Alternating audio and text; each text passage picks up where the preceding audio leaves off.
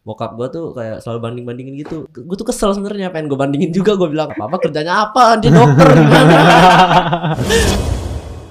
Gue tuh gak pernah diapresiasi gitu sama bokap gue dari kecil. Apa apa kerjanya apa? Dia dokter gimana? Emang bener-bener lu pernah diusir dari rumah? Ah, pernah. Pernah? pernah. Kapan itu? jadi gue pernah diusir tuh kan pertama kali waktu gue berantem sama bokap gue gue kan dulu Hmm. dipaksa kuliah bukan dipaksa sih sebenarnya gue dikasih pilihan gitu mau Hmm. kuliah pak gimana pokoknya gitu kan ya udah gue kuliah tapi gue bolos-bolos gitu Ah. gara-gara ke Jakarta buat main sama teman-teman Hmm. dan itu kan bentrok juga sama waktu dulu kan gue masih dikontrak sama TikTok Oh ya. mau gak mau gue harus bikin video nge- ngejar deadline TikTok sama kuliah jadi bentrok gitu loh gue Hmm. mau fokus ke TikTok waktu itu nggak nggak ngikut nggak ngikutin kuliah gue banyak cabut-cabutnya Ah. akhirnya bokap gue tahu gue cabut-cabut mulu gue berantem dimaki-maki tuh Ini berarti masih gua. baru dong 2019 harusnya. Mm, ya. 2019 lah semester 3 gue waktu itu masih posisinya Anjir. itu gue cabut dari apa namanya cabut dari kampus bokap gue tahu gue dimarahin ya udah gue keluar dari kampus gue keluar kuliah cabut kuliah habis itu gue berantem sama bokap gue gue diusir tuh gue nggak kontekan tiga bulan Diusirnya dalam hal apa? Maksudnya kan lu udah nggak Di- sama bokap kan? iya gue tinggal di apartemen itu sendirian Ah. tapi kan bokap gue masih sering ke apartemen Hmm. ya gue diusir Dari apartemen. Heeh, pokoknya gue nggak boleh ya gara-gara gue melawan lah pokoknya gue ngelawan dia omongan dia terus gue akhirnya diusir Bokap lu maunya lu kuliah apa? Gue sih kasih pilihan bebas buat ya buat Bebas. pilihan jurusannya Yang penting kuliah. Heeh. itu tapi gue nggak bisa kuliah gitu loh gue maksudnya waktu itu posisinya gue lagi nggak bisa sama teori-teori gitu loh Tapi waktu itu lu kuliah apa? manajemen pemasaran Hmm. marketing Kuliah gampang gak sih? sebenarnya Karena lu nggak niat aja jadi susah ya. gampang-gampang susah sih Ya, Iya, karena nggak iya niat pokoknya aja. semua yang Ah. gak niat gak bakalan Iya. susah karena karena lu bukan gak niat sih lebih ke tujuan Iya, passion gitu. tujuan passion. beda. Bukan passion lu kayaknya ada Bray. Hmm. bukan masalah passion nggak passion sih Sen. sekarang dibutuhkan kalau menurut gua waktu itu gua ada kalau misalnya ditanya nyesel apa enggak cabut kuliah Ya, salah. enggak Enggak. nggak pernah nyesel gua tapi ya setidaknya kan kalau kuliah masih bisa iya butuh butuh ilmu ilmunya sebenarnya sekarang Jadi itu masalah utama di keluarga lo atau gimana sih? masalah utama sih gara-gara gua tuh gak pernah diapresiasi gitu sama bokap gua dari kecil Word of approval gitu ya. kayak apa ya misalnya dulu gue misalnya juara juara mulu kan dari SD nih Ya. maksudnya lima besar terus lah Ya. ya. tapi gue nggak pernah dikasih apresiasi sama sekali gitu Hmm. nggak pernah dikasih kayak wah hebat gitu apa segala macem lah sekedar buat memuji anaknya Itu yang juara badminton ya lu ya? Nah, terus gue sempet juara badminton juga di Sumbawa tapi bokap gue pas pertandingan aja dia nggak mau datang Nggak mau datang. nggak mau datang Kenapa? mager tidur di rumah Tapi lu udah bilang ke bokap lu. udah bilang lah pasti gue masa Iya, lomba nggak ngomong bu- orang tua sih Ya, ya, ya. Tapi soalnya tadi pas lu bilang gak pernah dipuji, gue juga dulu gak pernah dipuji. Mm-mm. Tapi di titik yang kayak lu tuh harus better. Ngerti gak sih kayak Iya. kasarnya? Lu ranking 2, ya ranking 1 dong. Terus pas ranking 1, ranking 1 yang kayak kasarnya kayak ya lebih dong. Ngerti gak Nah, sih? iya, Karena tuh- kalau ada level berikutnya gitu kan. Gue tuh dulu kan kayak dari TK aja gue loncat tuh, langsung ke SD kelas. 1. Jadi TK gue nggak lulus, langsung loncat. TKA langsung satu. Iya langsung satu, nggak lewat TKB. Hmm. Nah itu gue masuk eh, ke kelas 1 pun langsung juara, juara, juara. Hmm. PSD kelas 6 Terus gue sempet lomba badminton, banyak prestasi lah dulu ibaratnya masih SD kan. Sampai gue akhirnya karena nggak pernah diapresiasi sama bokap gue dan selalu dibandingin sama anak dokter yang kayak dia tuh anak dokter tuh kayak apa ya? Gue waktu masih kecil kan nggak bisa ngelawan ya. Hmm. Lu berapa selalu- saudara sih, Bre? Sorry. Tiga Tiga. Lu terakhir. pertama. Oh, pertama. Oke, oke, lanjut. Jadi dulu gue selalu dia bandingin sama anak tetangga lah ibaratnya dokter tuh tetangga gue anak dokter di satu kelas sama gue kan. Gue yang selalu rebutan juara sama dia.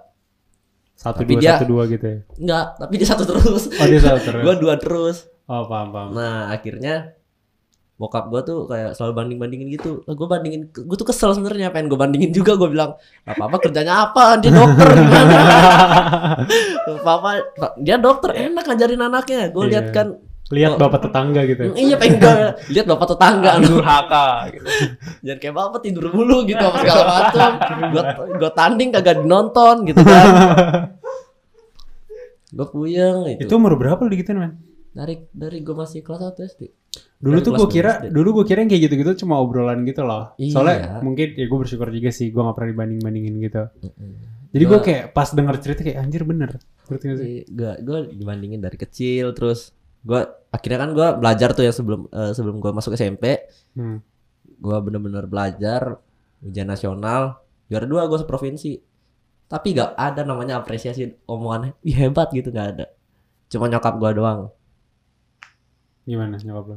Apresiasi. Eh, nyokap gue tuh sebelum pengumuman jadi dia ngomong mama mimpi kamu juara satu gitu apa segala Wede. macem Ternyata gua- juara dua. Eh, eh, tapi gue gue juara dua di sekolah tuh kan ibaratnya kan kalau ke sekolah kan ada kelas A, kelas B, kelas C, D gitu kan. Hmm. Nggak expect gitu gue kalau misalnya sampai juara dua, tapi seprovinsi lagi. Waktu Paham, itu. paham. Ini agak cerita dari gue dikit sih. Jadi gue baru notice barusan kayaknya ngebanding-bandingin anak sama anak tetangga sama anak yang lain tuh kayak negatif banget ya. Soalnya gue ngerasa gue kan gak dibandingin ya. Bahkan kayak kasarnya kakak gue dua itu mereka nggak terlalu into sama sekolah tapi kayak punya hal lain mungkin ya. Dan itu nggak pernah dibandingin. Kayak ayo dong kayak adenya kayak adenya kayak gue gitu kan kayak maksudnya ya gue emang dikasih bakatnya di akademik gitu. Dan sampai sekarang gue nggak pernah ngerasa, wih gue lebih hebat dari kakak gue, ngerti gak sih? Mm-mm. Nah mungkin Hmm. kalau gue dibandingin gue bakal ngerasa superior terus kan dibanding Iya sih, mereka. Jadi Iya. Nggak tau gue notice itu aja tadi dari cerita lo. Mm-mm. Jadi waktu itu juga kan gue dulu SD sampai SMP masih masih juara-juara lah dulu Hmm. ibaratnya. Tapi pas mulai SMA, oh kuliah deh gue itu SMA gue udah bodo amat sama juara-juara, gue tidur mulu di sekolah. Karena nggak ada. Gak ada apresiasi itu kan. Terus bokap bokap gue juga kan gue broken, keluarga gue broken. Eh, bokap sama nyokap mulai berantem berantem waktu gue SMP. Tapi gue masih harus pertahankan akademik gue di sekolah Hah? Sampai gue SMA masuk ke SMA. Gue udah bodo amat sama mereka gitu. Dan keban- Capek, udah capek gitu. Dan sekolah lu lepas lu kebantu musikly juga ya. Iya. Habis itu gue gue cari pelarian kan. Hmm. Di rumah gue pusing, di sekolah gue pusing, Nggak ada tempat nyaman. nggak ada tempat nyaman gue. Akhirnya gue lari ke musikali cari online. Sosial media lah ibaratnya. cari sosial media Teman-teman di sosial media gue diam di kamar mulu itu karena gue di rumah orang tua berantem mulu di sekolah gue dibully Anjir dibully. Kenapa? Nggak ngerti gue mungkin karena beda ras gitu. Gue kan teman-teman gue kan ibaratnya gue tinggal di kota kecil Sumbawa. Town lah itu bukan city town. Iya. akhirnya ya gue dibully aja gitu. Nggak ngerti gue mungkin karena gue nggak bisa ngikutin tren mereka yang anak motor balap-balapan. Paham paham. Dan Padahal gue juga anak balapan tapi nggak balapan yang gue ikut balapan gitu. Hmm. Gue juga nonton balapan mereka, maksudnya gue di situ juga, gue yang bayar bayarin gitu. gue yang taruhan, eh gue pegang temukan gue nih. Gitu. Tapi gue pernah Bre. Mabok-mabok kumpul-kumpul kayak gitu gue pernah. Bre. Iya, makanya. Yang yang gue pernah tuh kayak ketongkrongan yang bawa kentrung gitu. Iya, yang pulang Ada sekolah tuh. di sini 500 gitu di sini kan. 500 ini rokok. Ini rokok gitu. Nah, Kentrung. itu tuh teman-teman gue yang ngebully gue. Gue gue pernah lah Bre, gitu. Bre. Gue ngerti, gak ngerti saya, tapi gue kenapa dibully. yang topinya tekuk gitu loh. Iya, tapi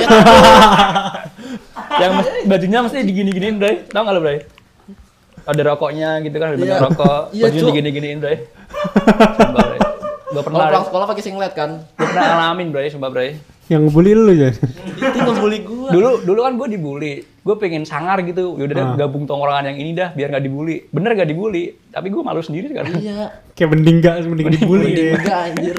Tapi dibully tuh lu ngerasa itu ngebentuk lu nggak? Eh, kebentuk sih pas jadi kayak waktu gue dibully di sosial media pun kalau bisa dikata-katain gue kayak nggak ada rasanya gitu Hmm. gue kan di sekolah udah langsung dikata-katain depan muka gue Depan langsung muka ya, fisik langsung gitu ya. gue sih nggak terlalu di fisik sih lebih ke mental dikata-katain kena mental Paham paham paham. Mm. Tapi eh di rumah lu masalahnya tuh karena lu sekolahnya atau ada, ada masalah di luar itu? Hmm, kalau di rumah jadi waktu itu kan nyokap sama bokap berantem Hmm. nah itu dua-duanya awalnya bokap gua sih yang dulunya main cewek. Astaga. tapi ya ibaratnya ya ya udah gitu. Nyokap gua diem doang. Akhirnya nyokap gua bales. Nyokap gua selingkuh juga. Dan itu ketahuan tapi bokap gua kayak nggak terima. Akhirnya hmm, marah kan ke nyokap gua segala macem. Tapi ya udah habis itu baikan baikannya juga karena gua yang paksa-paksa gitu kan.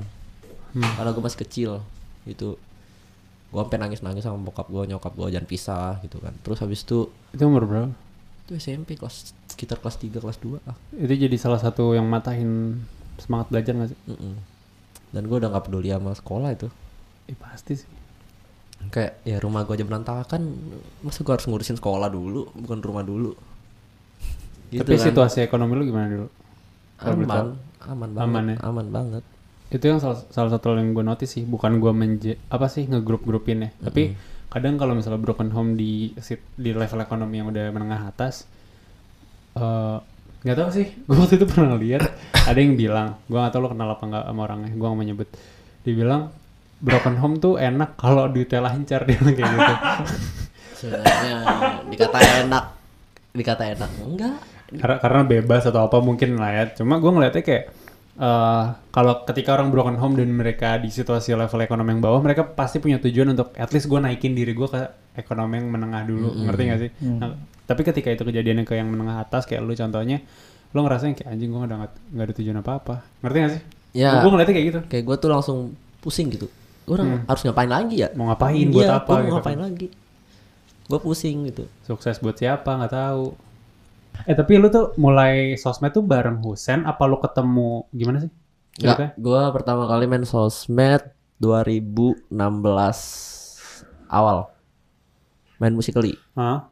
ya itu awalnya kan eh, main-main aja gitu iseng Hah? cuma karena awalnya dulu gue masih sekolah masih sekolah kan gue masih Iya. SMA tuh gue dibully di sekolah jadi gue pelarian gue langsung ke musikali main di sosmed cari teman online Ini lu masih di mana? Di, di Sumbawa gue Oke. tinggal pertama kali Sumbawa terus terus main sosmed cari pelarian ketemu teman-teman gue yang ini Husen benar-benar dari musik gitu. dari musik Lu datang ke Jakarta apa dari sosmed dulu? dari sosmed dulu baru kita ketemu di Jakarta Benar-benar kayak janjian yuk Jakarta sekalian gitu ya. Kayak ngerantau. tapi dia nyamperin lu nyamperin gue duluan kan Iya, gue nyamperin dia dia. nyamperin dulu Berarti lu musiknya ada duitnya juga ya? ya Ada. ada pet promote endorse open fallback Tapi dulu musik kalian ya dibayar ya? enggak Baru TikTok baru masuk dibayar. kita di TikTok baru dibayar Oh, pas lu disuruh masuk ke TikTok. Mm-mm. Tapi kalau ngomongin duit kencengan musiknya apa TikTok? TikTok. TikTok. TikTok TikTok sih. Dulu waktu itu gue denger dari Diva kalau nggak salah, tau Diva kan? Diva Di, Zura. di oh di Fazura. Fazura Ah, dibilang dulu mah zaman-zaman campaign gitu masih dikit banget. Zaman-zaman musikly. Iya sih Ya, zaman dulu hmm. waktu dulu kita endorse endorse sih sama apa ya pet promote gitu sih Iya, iya, iya. Iya, Iya kayak katanya gitu. kayak brand-brand gitu belum terlalu masuk katanya. belum masuk Belum common lah ibaratnya. Iya, Iya, iya belum. benar. Berarti lu lu tahun berapa pindah ke sini? Sama sama bareng sama Husen, Eh, sama Putra gitu-gitu. enggak, kalau Putra kan emang di Jakarta, di Bekasi. Heeh. Kalau si Husen duluan dia ke Jakartanya. Gua ke sini tuh eh pertama kali gua ke sini tahun tahun berapa Sen? 2016 kali. Eh, enggak lah gila. Cepet amat 2016 dia gua baru mulai. sekali. Iya ya. Dari dari 18 ke 19 kah? Belum lama juga ya? 17 19 eh 17-an, 17 18 ya. 17 18-an lah. 18 Lama juga ya? 2018, akhir-akhir gitu lah itu juga gue pertama kali ke Jakarta gara-gara cewek Cewek lagi, Gara Bray. karir. gara-gara cewek pertama kali Jakarta Beda ya, kan gua ke Jakarta gara-gara ingin merubah nasib. hmm, dia beda lah cewek ya. loh. Ngerubah nasib tuh maksudnya nyari cewek yang beda gitu. Oh iya dong. Ya. Tadi gue mau nanya dari semua yang lo lewatin sama orang tua lo, Mm-mm. ada nggak momen paling lo kenang gitu loh? Yang Yang happy inget. gitu. Yang kalau ingat. dari SMP Core memory kalau di saya. kalau memori bahagia gitu ya bareng keluarga kayaknya. Hampir kosong loh. Gak ada yang gue inget dah. Gak ada yang gue inget soalnya pahit terus. Pas Mau kok ada bahagianya juga ke kelindes gitu sama pahit gitu loh. Pas kecil gitu sebelum semua. Gak ada. Zaman jalan-jalan mana nggak ada. Nggak ada inget. Gak ada. Gak ada. Yang gue inget ya itu. Isinya karena ibaratnya mungkin ya Mungkin karena waktu masih kecil gue udah, dari, udah benci nih. Hmm.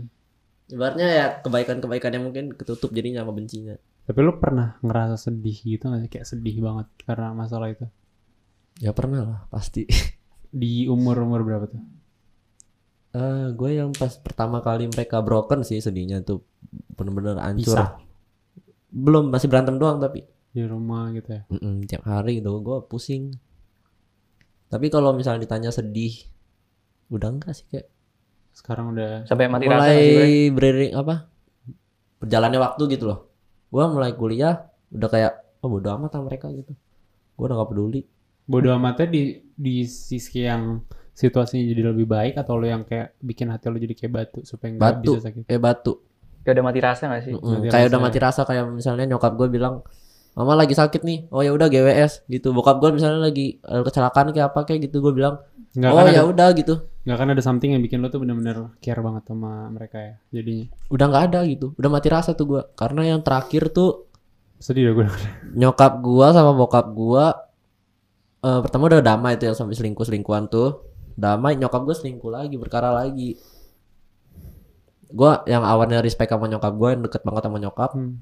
akhirnya kayak udah bodo amat lu mau ngapain juga? Gua udah gak peduli sama rumah juga gua awal-awal kayak gua udah berusaha buat damain lu pada lu pada malah bertingkah gitu loh capek gua akhirnya gua tinggal udah gua terserah dah kalian mau ngapain Hancurnya di anak ya. hmm? Hancurnya di anak. Iya makanya gue nggak pengen kalau misalnya gue nikah cerai gitu. Kasihan Jangan anak ya. deh. Iya. Ada ada lu gimana? Adik-adik gue ya mau gimana lagi gue yang kontrol waktu dulu. Umur berapa sih? Eh umurnya Beda sama lu dikit. yang adik gue yang kandung ini kan ada dua. Hmm. Yang pertama beda empat tahun, yang kedua beda enam tahun. Jauh-jauh ya? Ada yang tu- baru 17, satunya 15. Gue dua, dua satu gue baru. Satu. Waktu berantem-berantem gitu tuh adik lu gimana, Bray? Adik gue ya Diem aja atau waktu dulu kan masih kecil ya. Jadi nggak ngerti gitu loh. Hmm. Ya udah mereka takut-takut doang, sekedar takut. Mau gak mau ya gue sebagai kakak yang tenangin sen. Iya Hmm. Gue yang harus gerak gitu kan. Kalau nggak gue siapa lagi?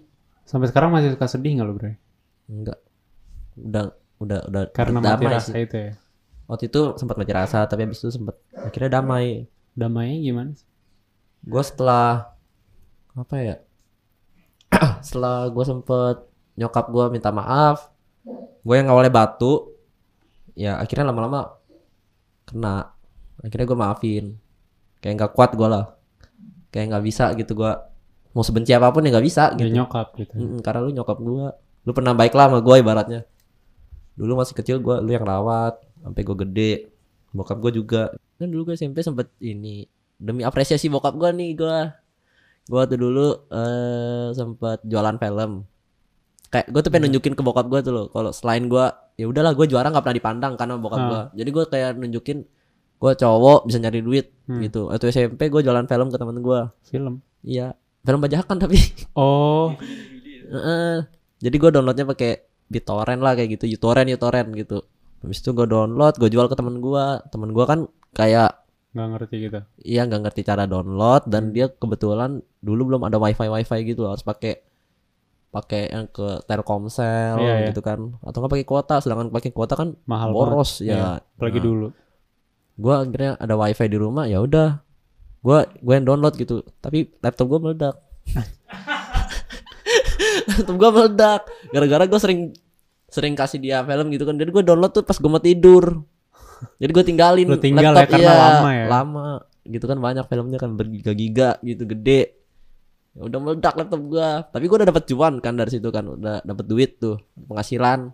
Cuma laptop gue akhirnya meledak. Akhirnya gue dimarahin sama bokap gue lagi Nggak dapet apresiasi lagi. Gak dapat apresiasi malah dikata-katain gue akhirnya. Lu ngapain kalau nggak bisa jaga barang gak usah sosokan gini gini gini papa ambil aja barangnya gini gini gini. Udah Tapi lu kayak gua, lu kayak lebih dekat sama bokap ya? eh, dulu waktu masih kecil sih dekatnya sama nyokap. Sama Pas sudah segede ya deket sama bokap. Semenjak Hmm. mereka pisah Oh, tinggalnya sama bokap. ya tinggal dulu sama bokap awalnya.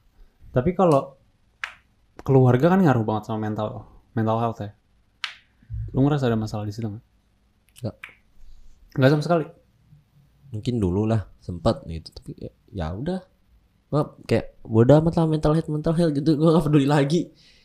Gue nggak bisa nggak bisa nyalain ala penyakit mental lah nggak bisa nyalain keluarga gue yang sekarang atau keluarga gue yang kemarin gitu kan yang sempet berantem berantem kayak ya udah mau gimana lagi udah terlanjur udah terjadi gitu loh kalau gue masih stuck sama yang di sana ya gue nggak bakalan bisa maju Hmm. makanya gue berusaha kayak eh, move on aja gitu let it go. Jalan gitu. Nggak apa-apa. Udah lewat juga gitu kan. Tapi lu dikekang gak sih bre waktu tinggal bareng itu? Main ke mana-mana gak bisa atau iyalah. kan dikekang? gue kan juga harus ikutin aturan rumah. Harus kalau dulu kalau dulu bener-bener ya udahlah gimana lagi. Kalau sekarang juga ya gue pulang ke rumah ya gue harus ikutin aturan rumah gitu. Hmm. ibaratnya gue tinggal di rumah bokap gue gue harus ikutin aturannya Hmm. mau gimana lagi misalnya gue misalnya pulang jam 12 pintu udah dikunci gue nggak boleh pulang gitu ya udah mau gimana lagi gue harus pulang di bawah jam 12 Ya itu sih aturan keluarga semua keluarga iya masing-masing kan. nah, jadi kan ya mau gimana lagi gue posisinya ibaratnya gue numpang di rumahnya dia jadi gue harus Hmm. ikutin aturan dia Tapi termasuk mental lu kuat loh, Bray.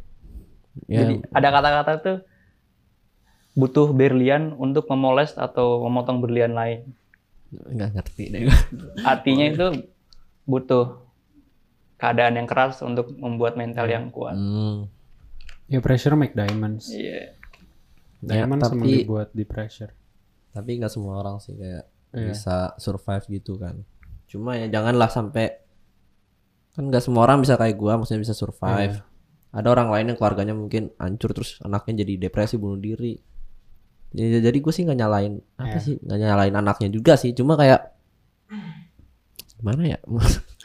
Susah juga sih. Iya kalau masalah mental emang ya mental, ya bener kata Husen sih mental lo kuat sih. Karena kayak gimana ya? Kayak tadi pressure either make you or break you antara ngejadiin lo atau pecahin lo habis gitu. Hmm, ya mungkin. Ya bersyukur dah gua sama mental gua aman berarti. Masih termasuk yang masih oke oke aja.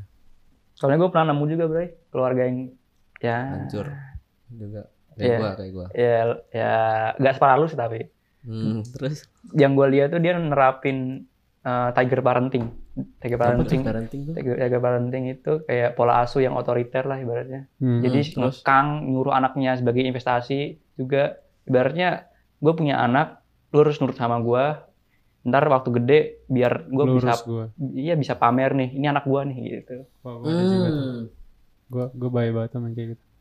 Skip dan Oh, tiger parenting itu dipercaya psikologi itu bikin an- anaknya mentalnya rusak kalau gagal oh ya paham tapi kalau berhasil bagus Cucunya yang rusak. kalau tapi kalau gagal Cu- marah. ah, cucu pasti digituin anjir. iya Gue pasti kalau misalnya udah berhasil ini kalau misalnya dia dia berhasil anaknya berhasil atas Menularkan didikan cucunya. orang tuanya yang tiger parenting itu ntar dia ngerasa ih ini berhasil nih ntar anak gue juga gitu Iya. padahal belum tentu anaknya tuh punya mental yang Bener. sama Bener. privilege yang sama lingkungan yang sama ya juga bener sih tapi dia ibaratnya dipaksa buat itu ya kerja ya dipaksa jandelin banget berarti ya iya Kalau gua malah pengen gua sempet shock diandelin. malah gue malah sempet shock kok ada keluarganya gini kok, kok ada Jadi gitu gue malah dulu malah pengen diandelin sen. Maksudnya gue pengen kayak gue kan udah bisa nyari duit nih. Ah. Coba sekali sekali kasih gue gitu loh kerjaan Oh. apa kayak gitu. Supaya kayak gue tuh ngerasa Ngebuktiin gitu. ya. iya kayak ngerasa wah gue nih anaknya penting gitu. Ada ada peran gitu. Emang harus di titik tengah ya antara Tapi mungkin kalau cewek mungkin gak kuat lah kalau misalnya dijadiin alat invest disuruh kerja terus dah gitu. Diandelin terus sama orang tua tuh pasti gak kuat kalau cewek. Kalau Gua- mungkin mungkin ya nggak semua cewek sih Hmm. maksudnya. Gue pun sebenarnya nggak terlalu setuju sama yang namanya anak tuh investasi sih. Gue sampai mikir kayak kalau nanti gue jadi orang tua, gue pengen ngebiarin anak gue jadi apa pun. Yang penting lu jadi orang baik gitu. Ngerti sih? Ah iya iya. Kayak gue kan ngajarin kayak misalnya lu mau jadi apa ya udah gue Iya, kalau gua gue nggak bisa ngajarin gue cari orang yang bisa ngajarin lu gitu gue cari Hmm. Gua situasi yang bisa ngajarin lu Tapi Jadi kan gua- biasanya kan kalau anak kan dikenalin sama orang tua. Hmm. Kayak lu dikenalin misalnya anaknya orang tuanya badminton Hmm. gitu. Kayak dulu gua buat badminton. iya Dikenalin sama bokap gua badminton. Akhirnya gua belajar Hmm, badminton. tapi kan bukan berarti kayak gue harus lu Iya. badminton juga ya, gitu nggak- kan dia nggak harusin gua badminton juga, tapi dia kenalin doang. Dan kebetulan Hmm. bokap gua kan suka badminton, main mulu. Akhirnya gua kayak keikut gitu loh. Bokap gua kok keren gitu main badminton. Paham. Gitu. Iya, paham. Anak cowok kan. Hmm. Akhirnya gua jadi, jadi latihan juga.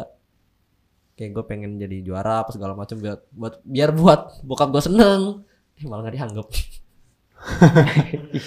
Karena gue gue mikir gitu dari dari kata-kata anak adalah titipan itu tuh gue bener-bener ngambil pesan banget kayak orang tua tuh dititipin gitu. Kayak kita nanti kalau punya anak bakal dititipin. Jadi bukan berarti lo dititipin itu jadi punya lo dan lo atur ngerti gak sih? Ya, ya, ya. Tapi itu kayak udah titipan Tuhan Tuhan udah naruh something pesan di situ itu tugas tuh untuk untuk ngebuka itu loh. Ngerti gak sih? Kayak Mm-mm. misal oh dia harus jadi podcaster dia harus jadi dokter dia harus jadi dancer whatever. Kayak itu udah dititipin sama Tuhan gitu gue percayanya. Jadi kayak gue selalu mikir nggak ada satupun orang tua yang punya hak dan nggak ada satupun yang berhak untuk nentuin anaknya harus jadi siapa atau Ah. harus diarahin ke mana. Gitu. Bener, bener. Pernah nonton film Three Idiots nggak? Pernah tapi lupa. Pernah nggak, Gue lupa dari awal sampai akhir. Gue tahu yang apa? Ya, inti, India bukan? intinya itu. Hmm. Intinya kayak ada tiga orang idiot tuh pengen jadi Oh, Three Idiots. Three Oh, tahu, pengen tahu, jadi insinyur, disuruh jadi insinyur semua tuh sama orang Hmm. tuanya.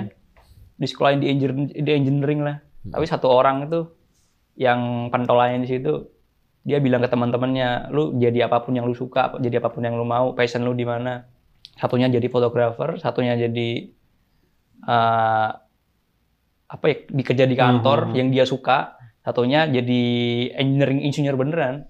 Dan dari situ mereka bahagia sama urusannya masing-masing walaupun Hmm. duitnya nggak seberapa. Mm-mm. Dibanding dari insinyur yang dari Duitnya misal, gede tapi dia nggak bahagia ya. Kayak gitu. Iya. Ya, gue Gua percaya juga. sih, kayak banyak orang tua yang kayak berusaha nyuapin something supaya masuk ke anaknya gitu ya. Hmm. Padahal kayak dia udah punya something yang tinggal dikeluarin gitu. Iya. Gue mikirnya gitu sih. Nah tapi kalau prinsip hidup lo ada nggak? Prinsip hidup gua gua nggak mau nggak mau nyusahin orang lain. Yang pertama gua nggak paling nggak suka ngerepotin orang lain. Terus ya intinya jangan jadi beban dah. Dan jadi beban. Heeh. Jangan jadi beban buat orang lain.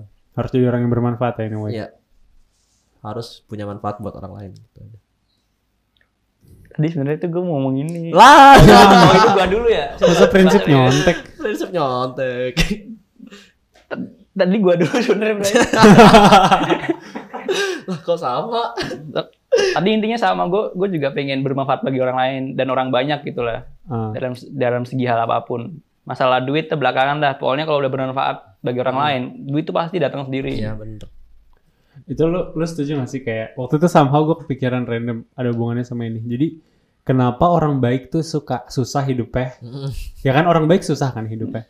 Kenapa? Karena gue ngerasa orang baik itu jadi orang yang bertanggung jawab sama kejahatannya orang jahat gitu. Semua masalah yang ada Ya, ya, ya, mostly dihasilkan sama orang jahat dan mereka nggak akan peduli untuk menyelesaikan itu semua. Mm, mm, mm. Bener. Dan itunya di orang baik gitu dan gue sama waktu itu mikir kayak wah ini ini alasan kenapa orang baik tuh capek gitu hidupnya. Iya sih. Dan- Ada sih masa-masa titik di mana gua kayak capek gitu loh jadi Hmm. kayak orang baik kayak harus. Benar. Tapi gua nggak bisa gitu mau jadi jahat pun juga nggak bisa. Nggak bisa kan? Ya, tapi pernah sih. Gua jahat jahat banget. Usen tahu kok. Gue gue juga pernah Bray jahat seperti podcast kemarin. Iya. Kalau jadi jahat ya. itu itu di, padahal dikat tuh padahal. Anda tidak tahu sebenarnya gimana. Cing. Tadi kan eh, yang momen-momen positif yang lu lewatin itu. Nah gue pengen nanya dari semua yang lu lewatin, ada nggak sih kayak hal positif yang lu ambil gitu? Kalau hal positif sebenarnya Entah pesan, entah pelajaran. banyak sih. Kalau hal positif Kayak gitu. tiga, tiga yang utama gitu. Apa jangan-jangan ambil positifnya karena nggak ada. Jadi gue jangan jadi kayak gini gitu. Iya, gue jangan kayak gitu. Jangan, jangan- pertama jangan jadi orang tua yang ibaratnya apa ya, maksa anaknya lah.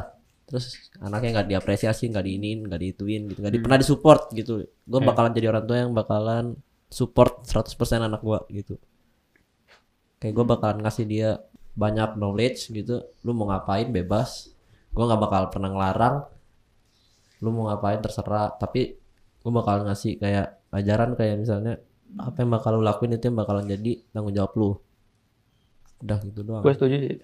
Kalau yang selain bakal itu, lakuin terus kayak apa ya gue bakalan ya positifnya tuh gue dapet pelajaran penting sih gimana susahnya hidup sendiri gitu hmm, karena dipaksa di usia muda. ya. Dipaksa ya kayak terpaksa gitu mau gimana lagi kan Untungnya lu udah punya income waktu itu ya, jadi nggak aneh-aneh.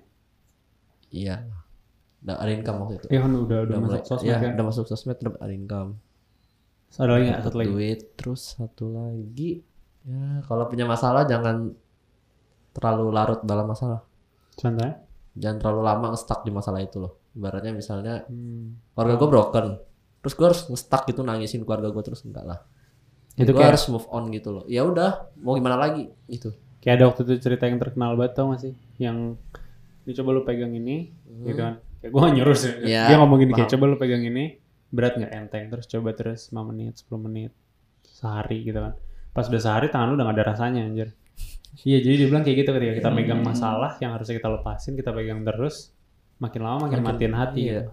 malah makin enggak ya malah bikin otak lu gak berfungsi dengan baik nantinya Iya benar. karena emosinya bakal tetap ada di hati lu terus Setuju, setuju, setuju. Tapi lu berdua tuh kayak di hubungan lu punya prinsip nggak?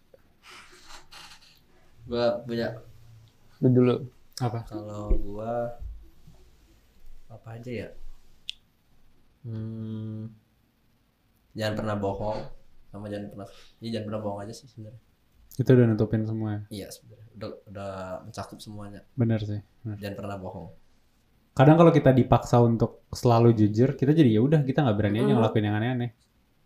karena kalau udah jujur terus ya ibaratnya apa yang mau disembunyiin lagi kita Bener, bener, bener, bener. Kayak lu otomatis bakal improve aja gitu. Iya.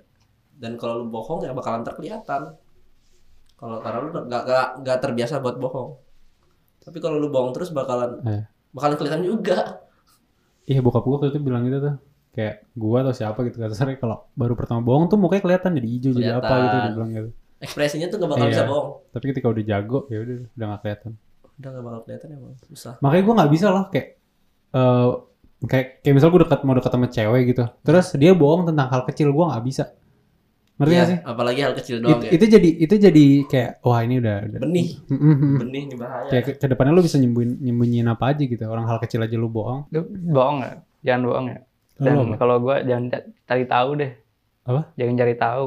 Maksudnya? Soalnya kalau jangan nyari tahu kayak misalnya apa gimana sih tadi lu Kalau- nggak nyari tahu nyari tahu gak kepoan iya nggak kepoan. kepoan. Jangan kepoan kalau menurut gua mah. Tiap orang pasti punya salah dan malu kalau misal mau jelasin. Biarin dia cerita sendiri, jangan jangan Oh, terlalu oh, kepoan.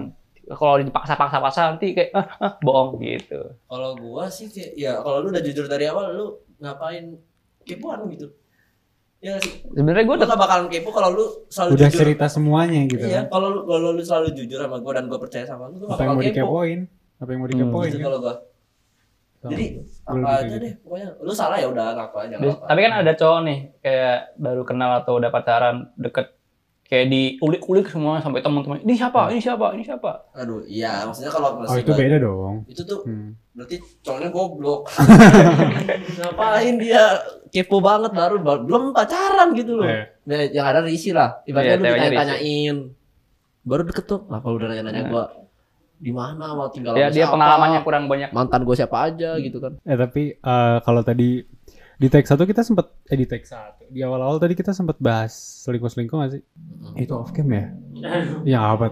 jadi, jadi jadi Brian tuh cerita ke gue dia dia nggak pernah selingkuh. Nah itu tuh karena orang tua atau karena dorongan ata apa atau nah, pertama karena ya dari orang tua. Bukan ya, karena gue kan punya orang tua dulu ya kayak gitu. Satu selingkuh dua selingkuh ya, ya pusing. Jadi wah satu selingkuhan tuh satu selingkuh kasus maksudnya, maksudnya apa sih kayak gimana ngomongnya ya?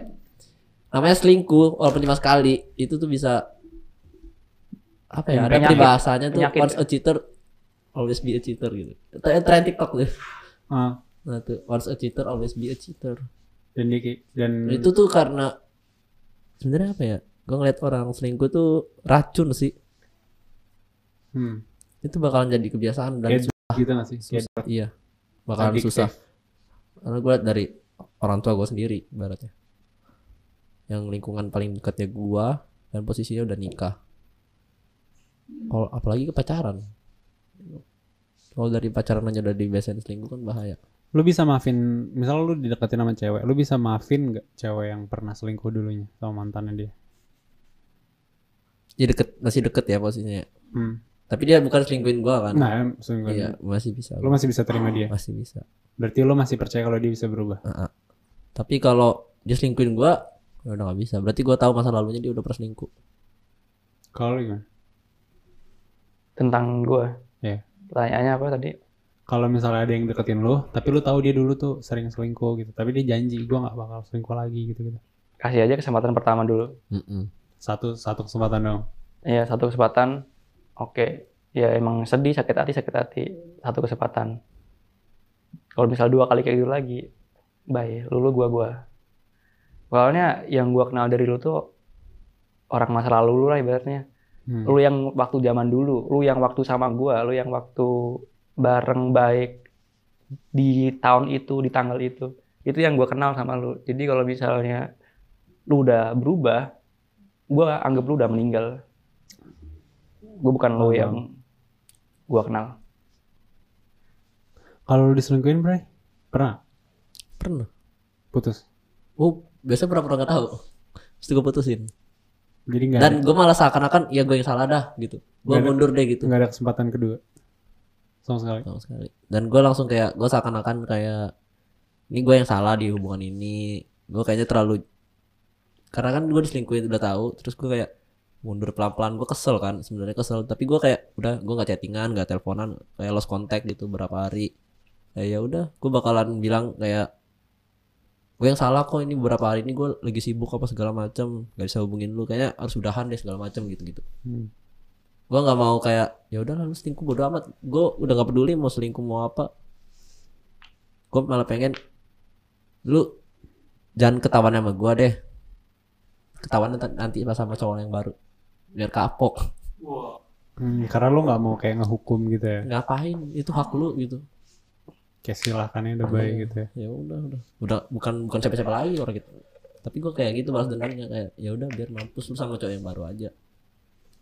Kalau lu selingkuh lagi kan biasanya karena gue tahu selingkuh itu nggak bisa sekali dua kali. Gue mana pura-pura nggak tahu lagi kan gue Iya. kan kayak ya gue nggak tahu kalau lu selingkuh apa segala macam pura-pura gitu. Gue pura-pura bodoh. Akhirnya mungkin dia ngerasa oh berhasil nih gue selingkuhnya gitu mungkin dia mau putus cuma ya dia nggak bisa ngomongnya nggak enak takut ketahuan Ya tapi kan gue mikirnya sih kalau misalnya orang sampai misalnya dia ninggalin gitu.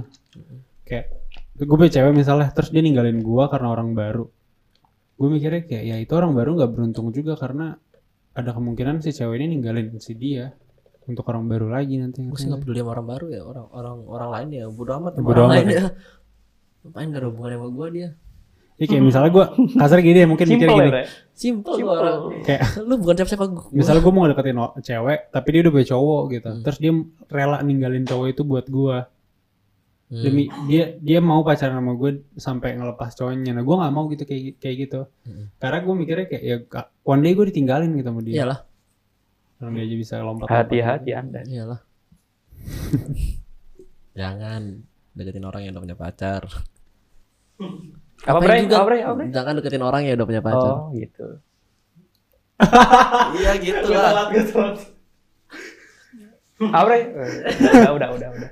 Udah, cu- emang udah. beneran jangan soalnya pak pernah gue jadi jadi jangan Lu pernah ngedeketin apa dideketin? dua-duanya sih gue pernah dideketin sama orang yang punya pacar jadi gue deketin balik baru gue ngerespon nah, Hmm. jangan deh jangan mau jangan bahaya ntar masalah masalahnya bukan sama ceweknya masalahnya ribet deh panjang sama cowoknya pacarnya ada pokoknya panjang Gue bahas gini aja udah riuh anjir mikirnya. kayak ah ribet Lu pertama pacaran kapan sih? SD kelas 6 Kelas 6. tapi itu pacar pacaran yang gak Bohongan jelas ya, bohongan iya ya. pacar gak jelas tapi gue bucin dulu gue tuh bucin masa gue ngasih surat gitu kan gue berusaha datang pagi ke sekolah gila Biar ngeliat ya. iya biar ngeliat kan gue Satu kelas di, ya? satu, Satu kelas, kelas ya? Oh, gue nungguin di tangga lagi kan gue tahu dia datang ke sekolah pagi Gua gitu paham banget, nungguin gua di paham tangga gue ngintip ngintip dulu gitu baru gue masuk kelas Lu ya, paham, paham, anak SD lah gimana sih anak SD Kalau lu kapan sen? TKB.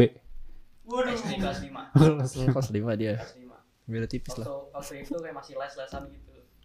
Itu kayak masih bertepuk sebelah tangan doang dia nggak suka sama gue sih. Tolak gue bre. gue juga Tapi gue tuh tau, lu tau gak? Gue sukanya tuh ya dari kelas 5 SD sampai kelas 3 SMA. Kenapa? Dari kelas 5 SD sampai kelas 3 SMA. Hah? Udah berapa tahun tuh? SD, SMP, 1, 2, 3, Enam, SMA, 1, 2, tujuh. 3. tujuh lah tujuh delapan kurang lebih ya itu gue suka sama satu orang dan itu alasan gue kenapa gue nggak pacaran selama gue selama ini gue baru baru sekali ya. Yang yang dua, dua kali terakhir juga sebulan doang kayak ngekos gitu kan. Jadi nggak gue hitung lah ibaratnya. Iya.